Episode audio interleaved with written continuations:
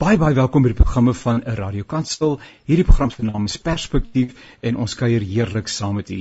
Ja, natuurlik die jare sommer vinnig verbygegaan nie waar nie. Ons sê maar tradisioneel dit, maar dit is ook waar en dit voel asof die jare net vinniger en vinniger verloop.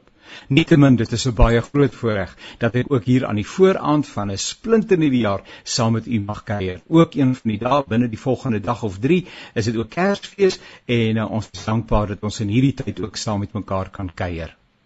Nou ehm um, soos ek reeds gesê het, enkele dae dan neem ons afskeid van die jaar 2021 en oral word die jaar wat verby is van alle kante bekyk en gedissekteer ten einde die sin en die betekenis daarvan te verwoord. En dis waaroor ons vandag gaan gesels naamlik die jaar 2021 in 'n uh, retrospek of oënskou. Ons kyk 'n bietjie terug en ons vra wat het gebeur en wat het ons geleer. Nou hier om saam te gesels is professor Pieter Labeskagni en hy's 'n emeritus professor by die departement politieke wetenskappe by die Universiteit van Suid-Afrika. Professor Pieter, goeiedag. Dankie dat ons kan saam kuier. Dit is 'n groot plesier. Baie dankie vir die my gevra het, Jan.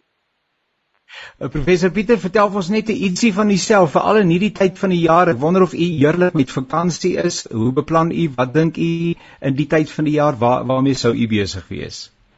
Ja, ja, nee, baie interessant. Ek het nou geluister te julle gesels het ek was toevallig ook in 1971 in die weermag. Ek was in die Valskerm bataljon in Bloemfontein en behalwe my my behalwe my normale navorsing artikels wat ek moet skryf in in die tyd weet en ook artikels wat ek skryf in Netwerk 24 is ek juist besig om 'n boek te skryf oor my ervarings wat ek in die weermag gehad het uh, en ek is uh, ver gevorder met dit so dit hou my besig en dit is baie interessant want ek het 'n dagboek in die weermag gehou. So ek hou my maar besig meestal met navorsing. Ek help so 'n bietjie met hoe leers nog in die departement, maar meestal het ek nou tyd vir myself om te kan skryf en te kan lees en en dit is wonderlik en ons het seker net oor die verkiesing gesels en ek het tyd gehad om detail na die verkiesing te kyk en alles te lees.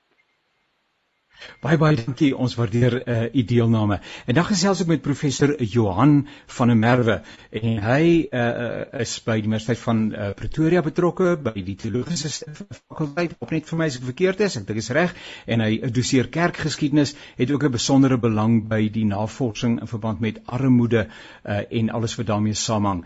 Prof Johan, baie welkom en dankie vir die saamkuier. Dankie Janie, is vir my lekker om weer saam met jou te kuier. Ja, ek is nou so 13 jaar by die uh, departement kerkgeskiedenis of ons is nou die departement sistematiese en historiese teologie. En uh, my uh, navorsingsveld is is waarna ek belangstel is Suid-Afrikaanse kerkgeskiedenis of geskiedenis van die Christendom in Suid-Afrika in die 20ste en 21ste eeu. So dis redelik resent, maar dis nie goed wat my opgewonde maak. Dis wat in die 1900s gebeur het tot nou en ek dink daar's 'n uh, daar's baie goed wat ons nou kan kyk en waaroor ons kan gesels wat uh, die lewe vir ons baie interessant maak. Baie baie dankie. En dan gesels ons met professor Johannes Vroneman. Hy's 'n afgetrede of emeritus professor in journalistiek aan die Noordwes Universiteit. Uh professor Vroneman, baie dankie vir u tyd. Vertel vir ons vir ietsie van jouself asseblief.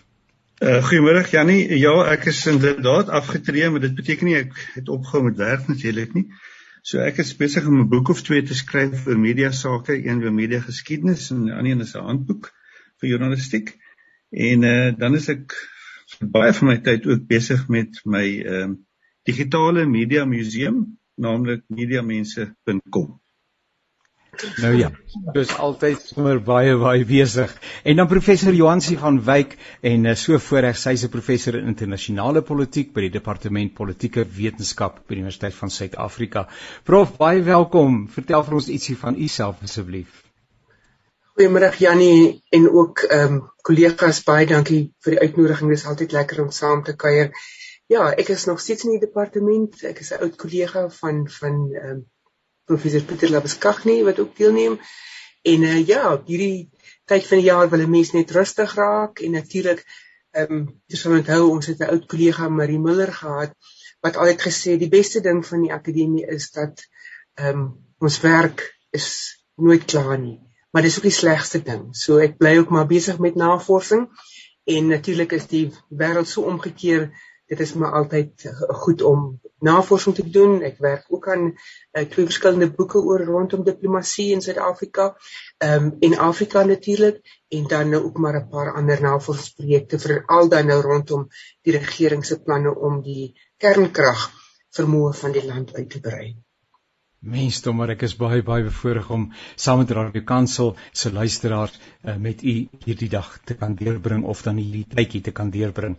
Nou uh, ons het reeds gesien dat ons een van die dae afskeid neem van die jaar 2021 en uh, uh, professor Vroneman Johannes, um, jy moet ongelukkig ietwat vroeër vertrek en daarom dink ek kan jy vir ons die baan oopmaak deur vir ons so vanuit 'n journalistieke blik asseblief so 'n voorvlug te gee oor wat jou aandag getrek het, wat jy raak gesien het wat binne miskien nie net die Suid-Afrikaanse konteks nie, maar selfs internasionaal ehm um, op 'n manier ook hier by ons tuis gekom het vir ons raak en dalk vir ons ietsie te sê het. Asseblief baie dankie. Ons luister graag na jou.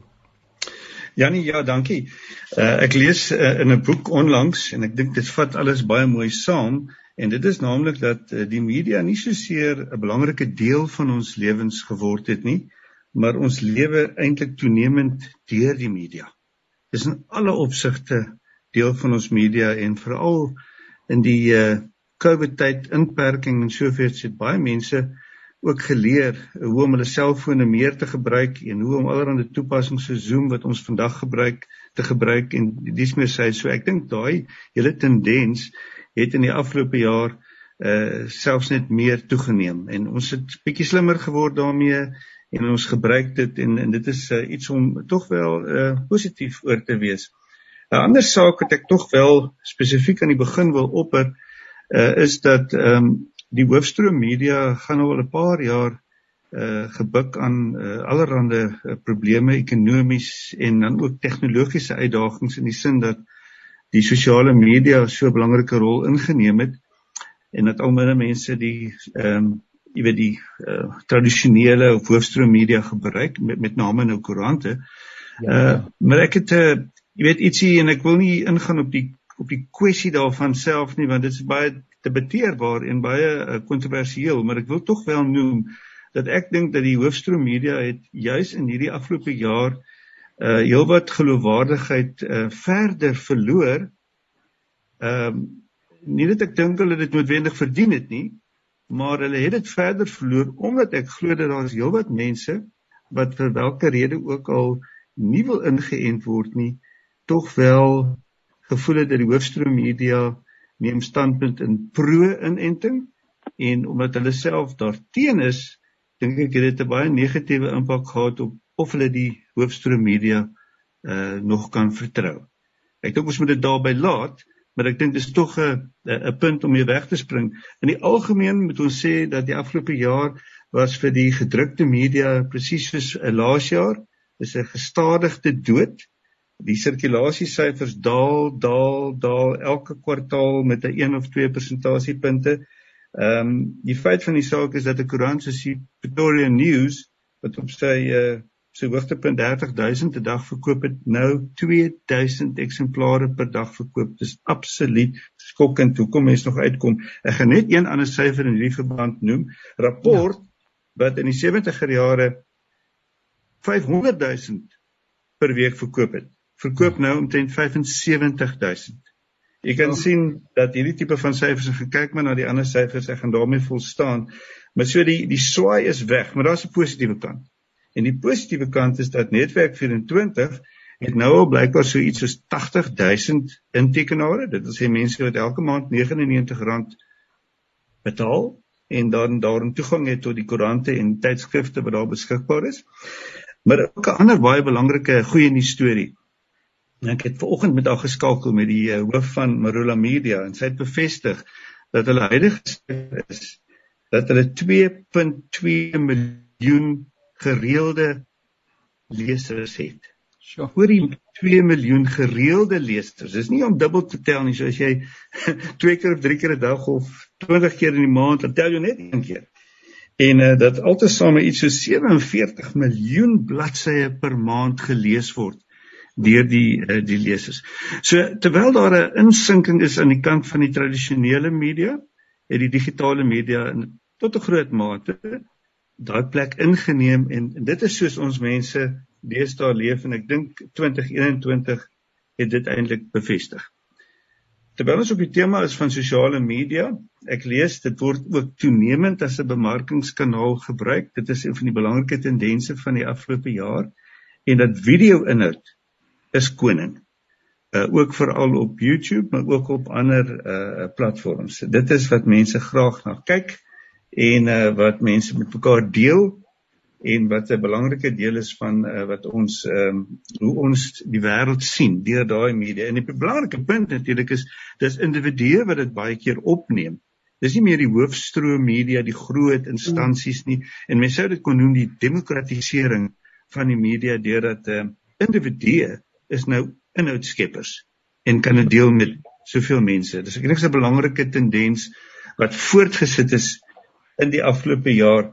Daar's ongelukkig ook 'n skadukant uh, en en dit is dat uh individue wat kommentaar lewer op ander uh, of dit nou is op nuuswebblaaie of op ander plekke ek vind daar's geen vordering wat ons maak dat mense ordentlik en beskaafd met mekaar verskil nie en ek dink dis 'n uh, ongelukkigheid wat 'n mens kry dat mense baie keer ook mense moet afhaal van 'n bepaalde platform omdat hulle net nie wil luister nie net nie wil inval daarbey en op daai manier met praat nie. So ek is jammer, maar dit is 'n dit is 'n 'n negatiewe punt.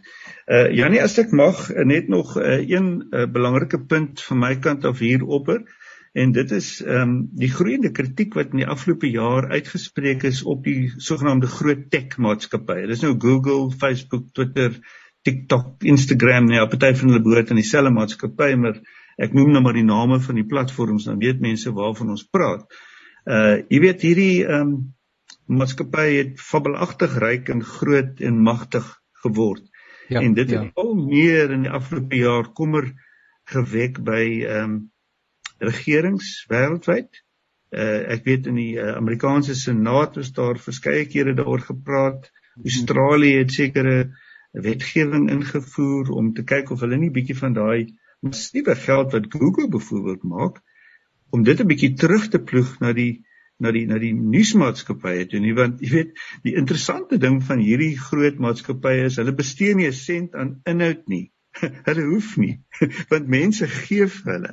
Jy weet Instagram en Twitter en en en selfs Google jy weet hulle skep nie hulle het nie redaksies wat hulle moet betaal nie. Ehm um, hulle kry die inhoud van individue soos ek en jy Janie wat dit plaas Uh, so hulle minimale ehm um, uitgawes wat dit dan betref, maar aan die ander kant kry hulle al die advertensie inkomste. Eintlik soos van 'n suiwer wins.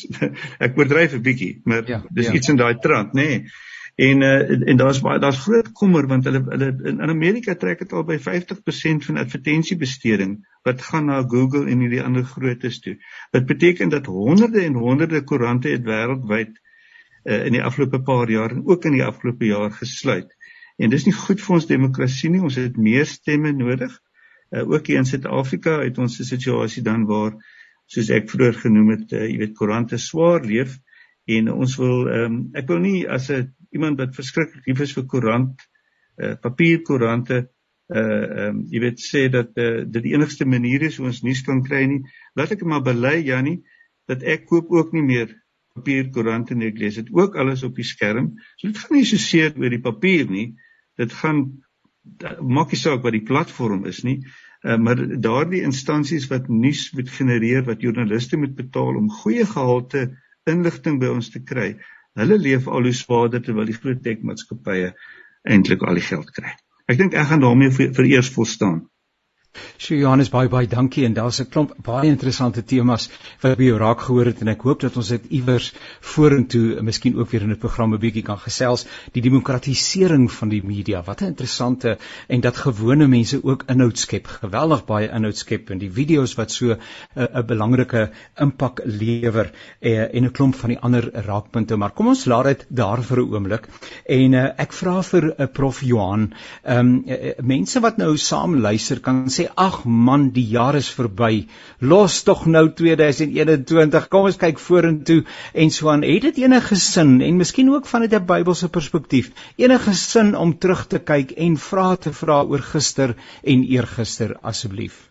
Ja, dankie Jannie. Ehm um, dit is nogal 'n standpunt. Uh, ek het al baie gehoor mense sê die geskiedenis leer ons dat die geskiedenis ons niks leer nie. So waarom wil ons ons daarmee bemoei? Um, maar ek is nogal een van die ouens wat sê wel as 'n mens terugkyk dan kan 'n mens baie uit die verlede uitput wat jou help om uh, om jou om jou huidige huidige situasie te verstaan en ook 'n bietjie 'n paar uh, pylers te kry vir die toekoms. Nou ek gebruik dikwels die voorbeeld van 'n swaai. Ek sê as jy op 'n swaai gaan sit en jy wil begin swaai, dan is die beste manier om vorentoe te gaan is om eers agtertoe te gaan. Nou het eendag aan die Kaap vir my gesê, meneer as jy 'n swing wil start, moet jy reverse. en uh, dis interessant van 'n swaai, nê. Nee, hoe ja. verder jy teruggaan, hoe meer momentum kry jy om vorentoe te gaan. En dis maar hoe ek geskiedenis probeer gebruik as 'n stuk gereedskap om ons te help ja. om uh, om vandag en môre te verstaan.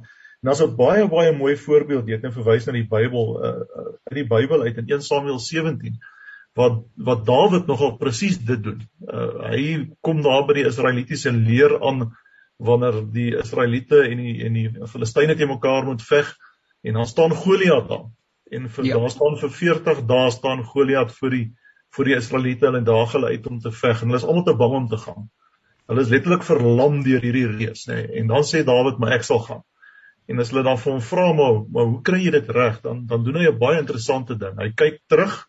Hy sê, "Soos wat ek teen die beere en die leeu's geveg het, so so sal ek teen Goliat gaan veg." So hy kyk uit op sy terug op sy eie lewensreis en uit die oorwinnings en die en die en die en die goed wat hy in die verlede reg gekry het, kry hy moed Dan het daar 'n tweede interessante moment. Hy sê dis die Here. So vanuit die terugkyk kyk hy boontoe en dan lees ons hoe hy vorentoe hardloop. En dit is nog 'n interessante teenstelling met die met die moedeloosheid en die en die en die ek wil sê vasgeloop, vasgevaldheid van die Israeliete.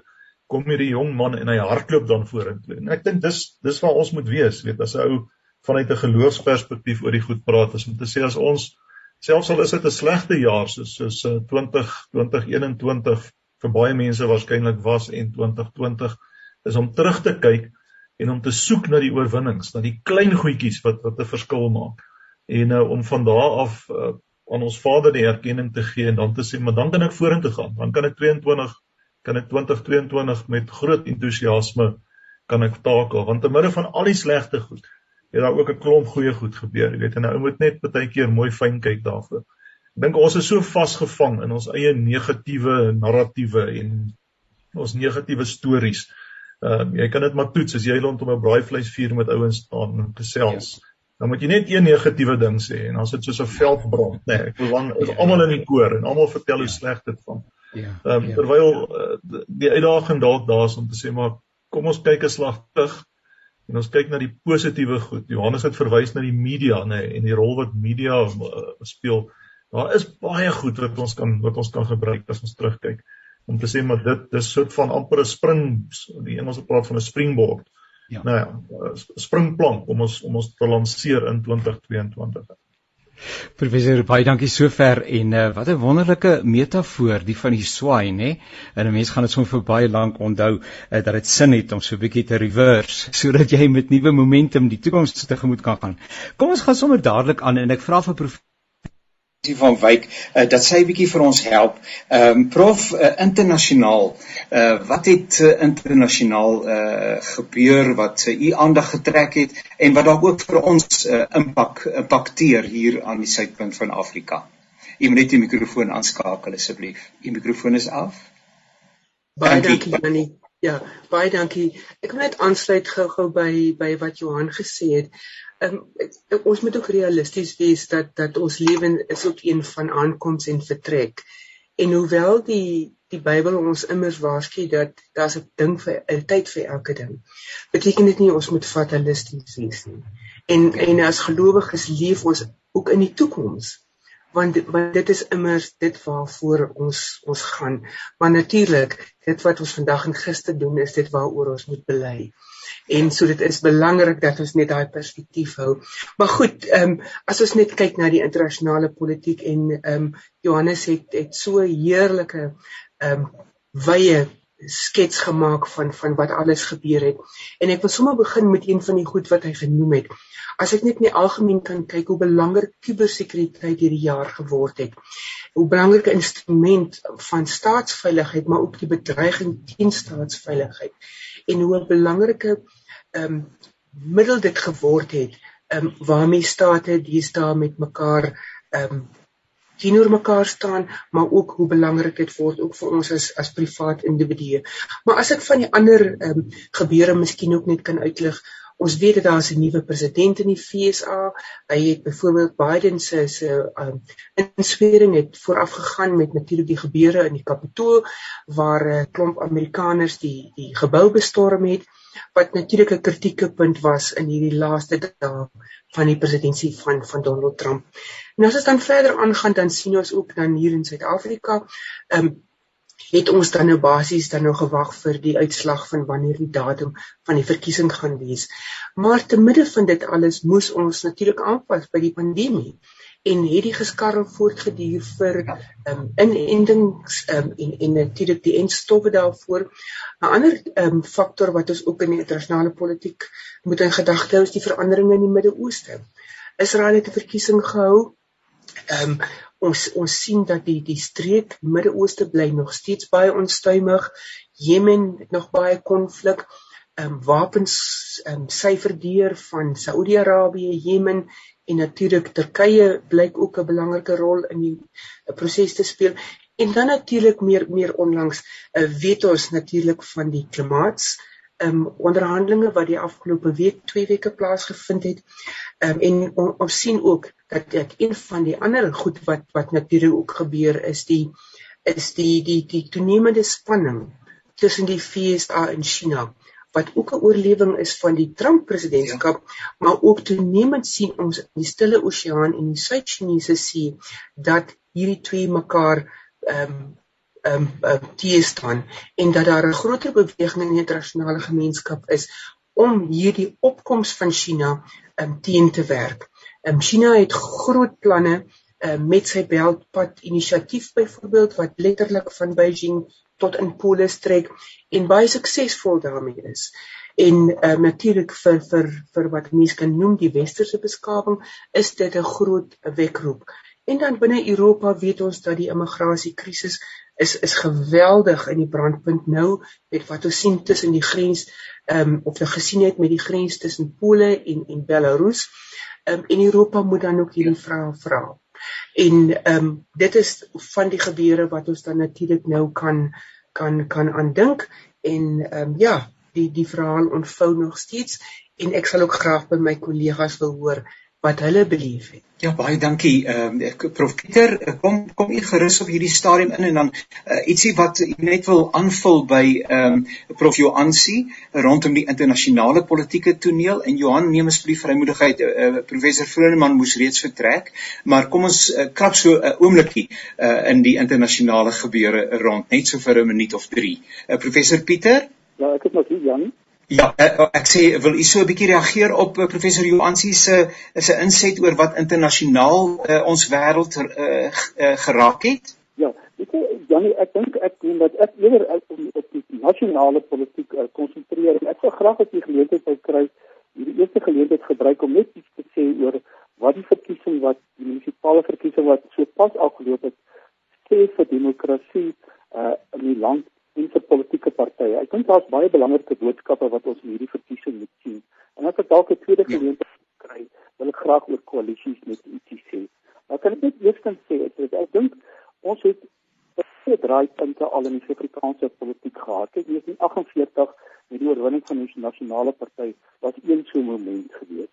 1994 eerste demokratiese verkiesing was so was ook so 'n moment. En ek dink ons sit met 'n baie belangrike moment op die oomblik binne in ons Suid-Afrikaanse geskiedenis uh, nou met hierdie munisipale verkiesing waar die meerderheidsparty vir die eerste keer onder 50% in enige verkiesing gedraai het.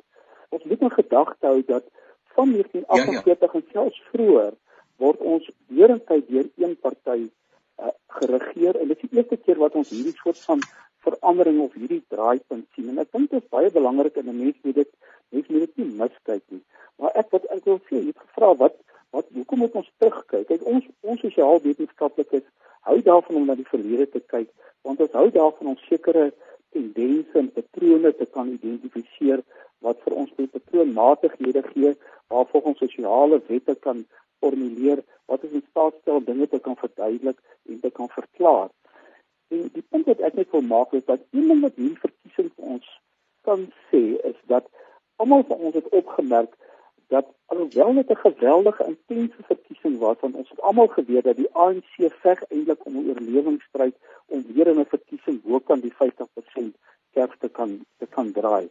Maar ten spyte ja. daarvan en ten spyte daarvan dat die ANC in hierdie stadium taamlik uh, uh kwesbaar was, was dit 'n verkiesing wat vir my taamlik sonder geesdrif gevoel het. Dit kan wees dat COVID 'n impak gehad het, maar dit was asof daar nie geesdrif en entoesiasme van hierdie verkiesing is nie. As ek net 'n paar syfers kan noem, dan die punt wat ek wil probeer probeer maak is dat demokrasie in politieke partye in Suid-Afrika uh is in die gevaar. En die rede hoekom ek dit sê, as jy net na syfers kyk, het potensieel wat aan 39 miljoen kiesers wat kon stem in die verkiesing. Van daai 39 miljoen het net 65%, dis 25 miljoen het geregistreer. Van daai 25 miljoen wat geregistreer het, het net 14 miljoen uiteindelik uh, gaan stem. En ja. Uh het nie gaan stem nie. Net 11 van die van hulle gestem. En as jy na die redes kyk hoekom hulle uh, nie gaan stem nie, dan sê hulle twee dinge. En dit veral die jeug wat dit sê is dat hulle ja. beskou die langer politieke partye as relevant genoeg om die probleme wat hulle ervaar aan te spreek.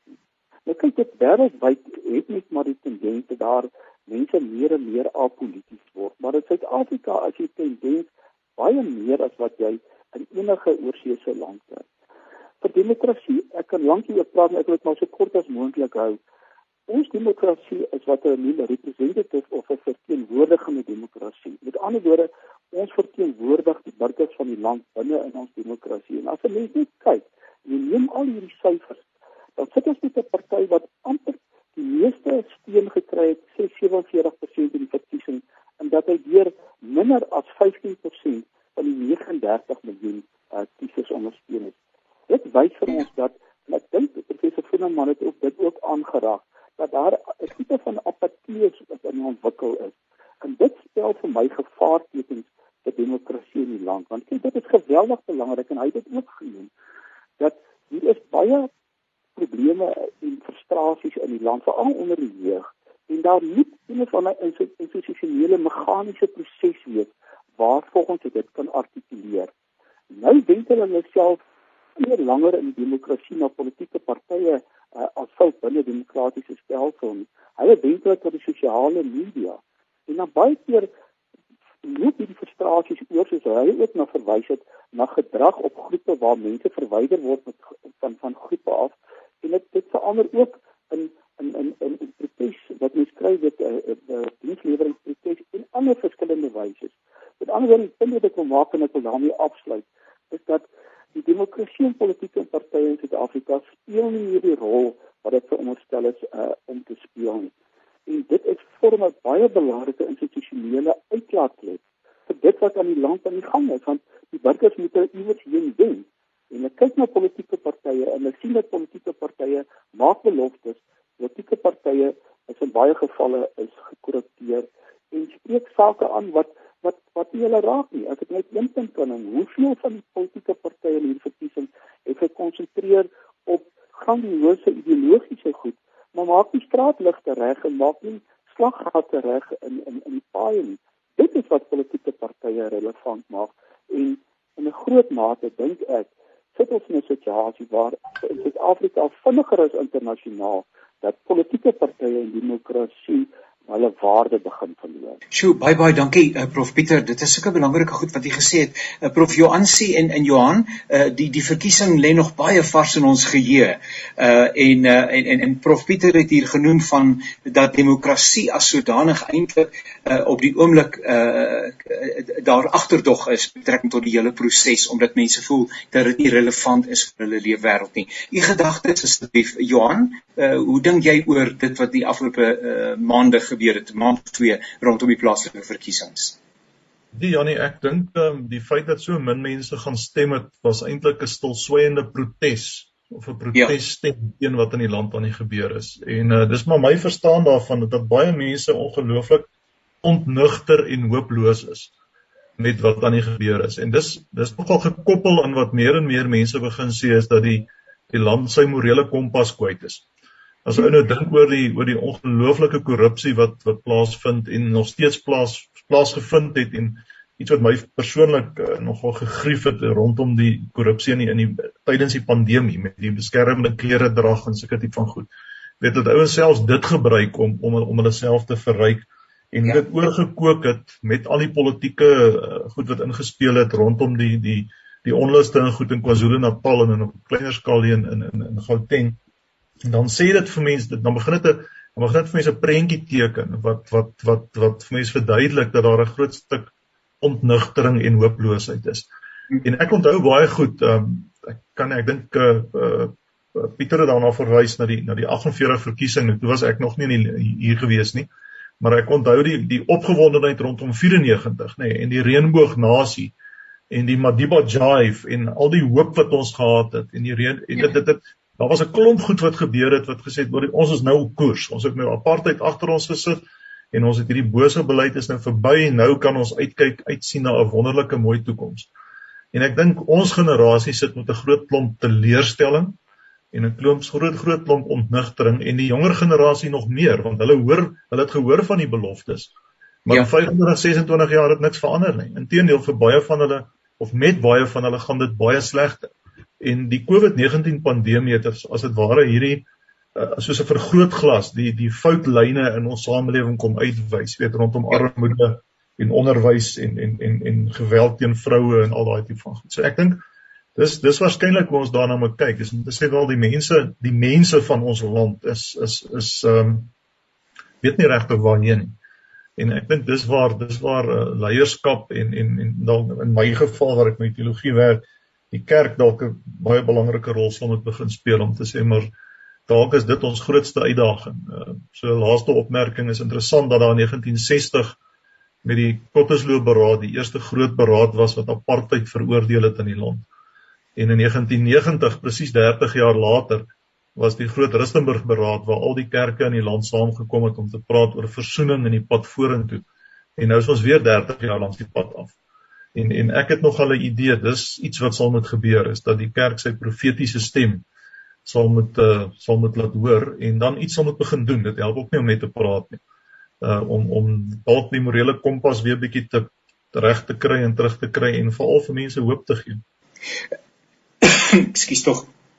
Baie dankie Johan. Uh, Johan sê dit klink my Prof Johan sê ons is nie op 'n baie goeie plek en ons sluit uh, eintlik 2021 'n bietjie op 'n somber noot af. Die mikrofoon. Jammer hoor. Na na al die maande is ons nog steeds nie daar nie. Ja, die die, die somberheid is natuurlik ehm um, deels van ook die groot verliese wat mense gely het in hierdie tyd. Mense het gelief geliefdes verloor, ehm um, mense was baie siek, mense het hulle inkomste verloor. So ek dink daar is daar is baie redes op 'n op 'n persoonlike vlak vir hierdie somberheid. Maar soos wat Johan ook dan genoem het, is is hierdie die morele kompas wat ons verloor het en dan vernaam dan van die regering wat dit in hierdie tyd wat weerlose mense nog weerlose gelaat het um, en en dit maak 'n mens ontmoedig. Ek dink 'n belangrike faktor was die feit dat ons nie die gemeenskap van heiliges in kerke kon hê nie.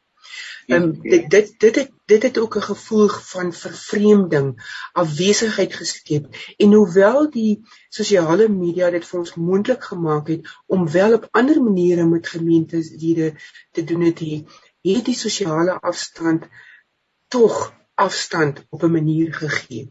En die die gebrek aan interaksie het dit definitief gedoen. So ek ek dink ons sal in die toekoms ook moet leer om om natuurlik saam met hierdie pandemie te leer, maar ook saam met die uitdagings van ons land. Nou byvoorbeeld um, by die Johan en Pieter het verwys na die jeug. Nou ja, ons is 25, 30 jaar na 'n um, na bepaalde um, draaipunte in ons politiek en elke generasie het dan hierdie vraag. Nou goed, wat wat moet ons doen? Die kerk het 'n profetiese rede, profetiese rol om te speel, maar dan ons as akademici ehm um, het dan ook 'n rol byvoorbeeld om hierdie goed te kan vertaal om mense te kan insig gee want ons leef in 'n in 'n era wat sogenaamde die post post-truth era genoem word of die na-waarheid era.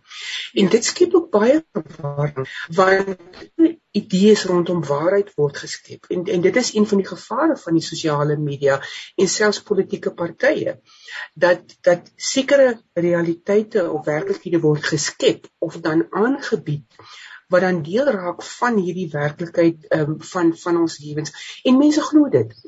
En en hier is die kerk se rol. Ehm um, ons ek dink dikwels aan die reël in een van NP van Wyk Lou se gedigte wat hy sê dat die leuen is meer fout, maar die waarheid is enkel en oud.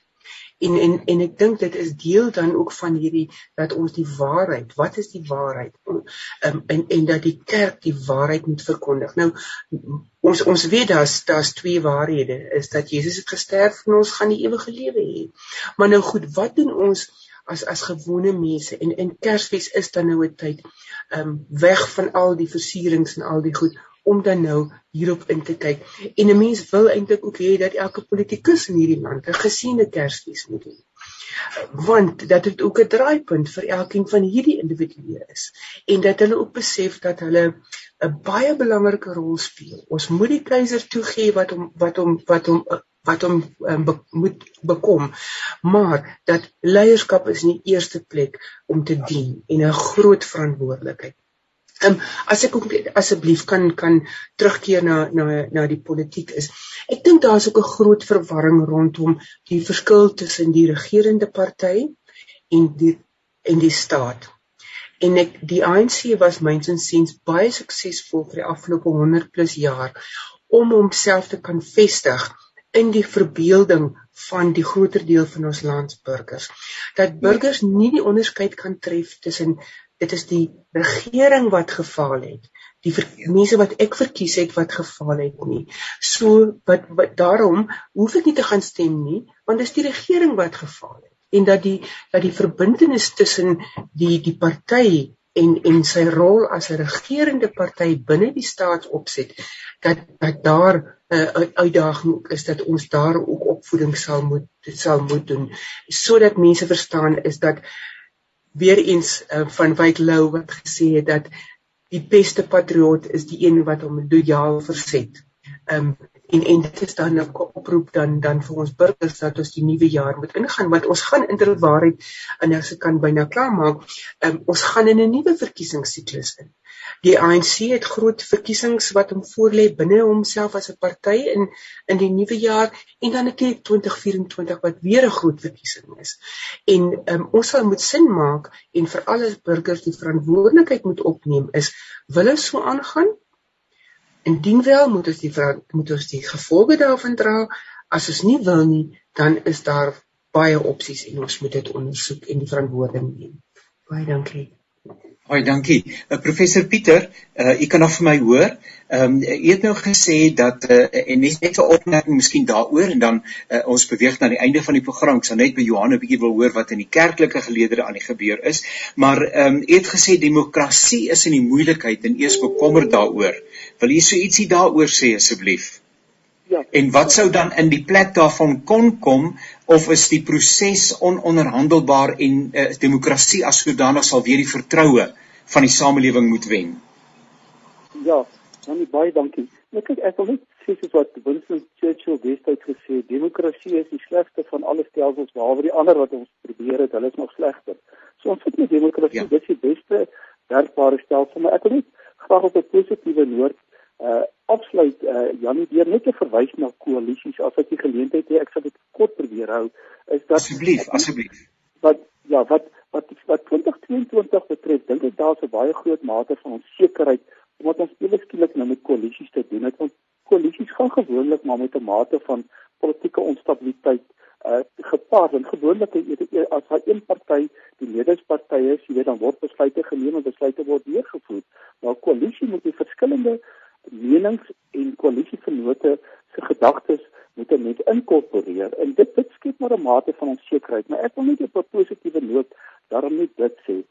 Ek dink ons is onnodig sensitief oor koalisies ons ken koalisies. Ons het in 1924 'n koalisie gehad tussen generaal Hertzog eh, van die nasionale party en die arbeidersparty van kolonel Creswell. Ons het een gehad in die 31 toe generaal Smit generaal Hertzog inflasie hawengawe mekaar gekom het en mens kan selfs redeneer dat die regering van nasionale eenheid tussen 94 en 97 ook 'n vorm van koalisie was. Ja. Die, die, die ding van 'n koalisie is dit is onstabiliteit, maar dit beteken nie dat dit slegte regering is of swak regering is nie. Een van die ja. die mees uitstaande uh, demokrasie in die wêreld is natuurlik in Denemarke. In Denemarke wat in 1915 'n demokrasie geword het, is nie net iets anders as deur middel van koalisies geregeer nie. En ek meen uh, Denemarke uh, word baie goed regeer soos ons ons almal weet. Duitsland is nog 'n verdere voorbeeld daarvan. Die groot voordeel van 'n koalisie is is eerstens jy moet alle menings van jou koalisievennote moet jy inkorporeer. Dit is 'n kwessie dat jy alleen besluite kan neem nie. En dit beteken ja. ook dat besluite word deursigtig geneem. Uh, 'n Meeste politieke partye sal hier iewers in die binnekamers sal hulle besluite neem terwyl in die geval van koalisies kry jy dat daar deurentyd met koalisievennote gepraat word en die mense wat hulle ondersteun en ek sien dit jy sien dit in 'n baie groot mate by Mashaba se Action SA Party waar die hele tyd praat van ek wil teruggaan na my na die mense wat vir my gestem het en teruggaan na na, na die na na na, na by die ja. sture toe. So dit is 'n 'n baie positiewe deel van 'n koalisie want dit gee daai deursigtigheid, deursigtigheid wat jy daai het. Maar die belangrike ding daarvoor is is dat daar's heeltyd 'n soeke na hulpinvlietende uh, kragte. Daar's heeltyd 'n soeke na konsensus en na ooreenkomste wat dit baie belangrik maak. So op 'n ja. positiewe punt alhoewel ons nou mag kyk en sê dis lyk gaan ons nie nou 'n onsekerheid tyd hê nie wat ons weet. Dit gaan gebeur, daar gaan groot gevegte in die metros kom. Jy weet, uh, koalisies gaan gevorm word en hulle gaan breek word, verbreek word en hulle gaan weer gevorm word. Dit is maar die aard van demokrasie. Demokrasie is daar om vreedsaam te kompeteer om 'n monopolie of 'n reg te kry om mag te kan kan beheer. So ons moet dit sien. Dit is maar 'n is is 'n moeilike tyd, maar ek sien baie positiewe elemente daarin. Beteken dat meer en meer rolspelers en saam met die rolspelers ook die gewone mense in die land uh, begin 'n inspraak kry in dit wat in die land vanaand moet gebeur en dit wat die pad uh, vorentoe betref. So die laaste punt wat ek wil maak, ons moet dit nie noodwendig as negatief sien. Ek dink dit is 'n positiewe ontwikkeling in die hele vorming van Suid-Afrika en die konsolidering van demokrasie in die land. Dit is so lekker om te gesels met mense wat uh, weet uh, en uh, dit is verrykend om na u te luister. Ehm um, Prof Johan, uh, kan ons dan vir 'n oombliekie net voordat ons afsluit uh, dalk dan oor die kerk. Die kerk is tog 'n baie belangrike rolspeler in enige samelewing met name ook in Suid-Afrika. Uh daar is meermale verwys na die profetiese rol van die kerk.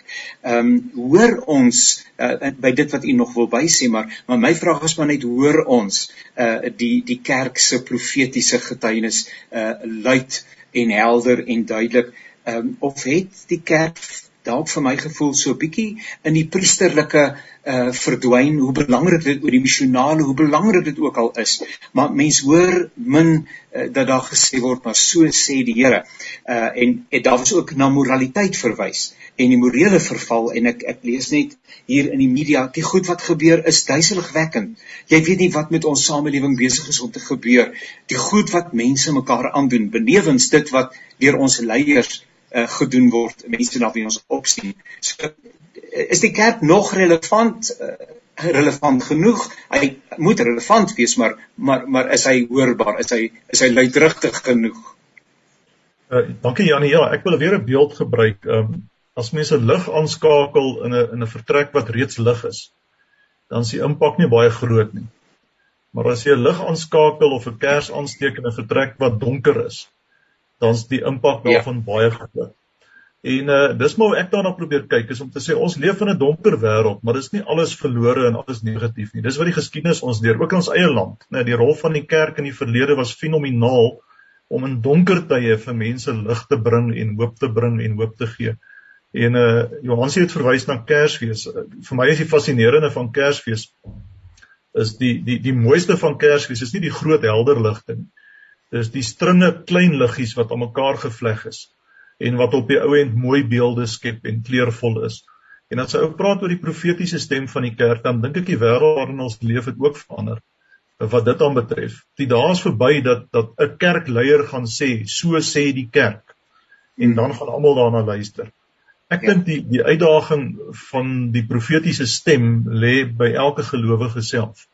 Uh en as ons soos 'n klomp klein liggies elkeen die uitdaging gaan aanvaar in die wêreldjie waarin ons leef om ja. te dien en om ander om te gee en om die profetiese stem te wees en om die die die die die die getuienis wat ons op die belydenis wat ons glo uit te leef prakties dan dan gaan ons letterlik uh, so stringe kersliggies wees wat in hierdie donker wêreld 'n groot verskil gaan maak en ek dink dis dis die wonderlike geleentheid wat ons het.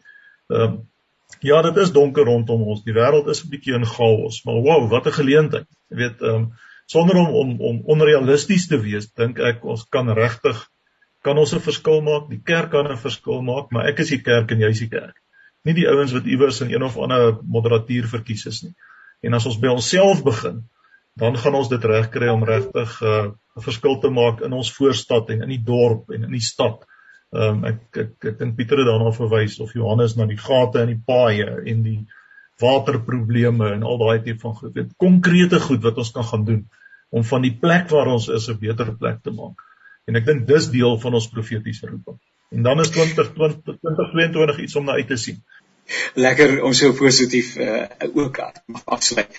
Kollegas baie baie dankie. Uh, dit was lekker om na u te luister en uh, uh, ons is in 'n Kersstemming uh, binne die volgende dag of 3 uh vier ons Kersfees. Ek wil graag vir u vra uh, of u die asseblief vir Radio Kansel se luisteraars en elke ander luisteraar wat vandag ingeskakel is, 'n uh, Kersboodskap, 'n Kerswens uh, wil gee nie. Uh, Professor Pieter, uh, ek gaan vir u vra om te begin asseblief. So 'n Kerswens vir ons luisteraars. Ja, Janie, ek sou graag vir luisteraars wil sê dat my Kerswens vir hulle is, wens vir hulle is dit is, is om positief te wees, om positiewe dinge raak te sien jy moet positiewe dinge te omring, jy moet positiewe mense te omring en weg te bly van negatiewe dinge want 'n negatief iets wat negatief is, is soos 'n kanker wat wat aan 'n mens aan 'n mens werk en dit is belangrik om positief te wees in hierdie tyd en ek wil 'n ja. gesonde geseënde Kersfees toewens. Baie baie dankie dis professor Pieter Abuskagni en hy's emeritus professor departement vir politieke wetenskap aan die Universiteit van Suid-Afrika.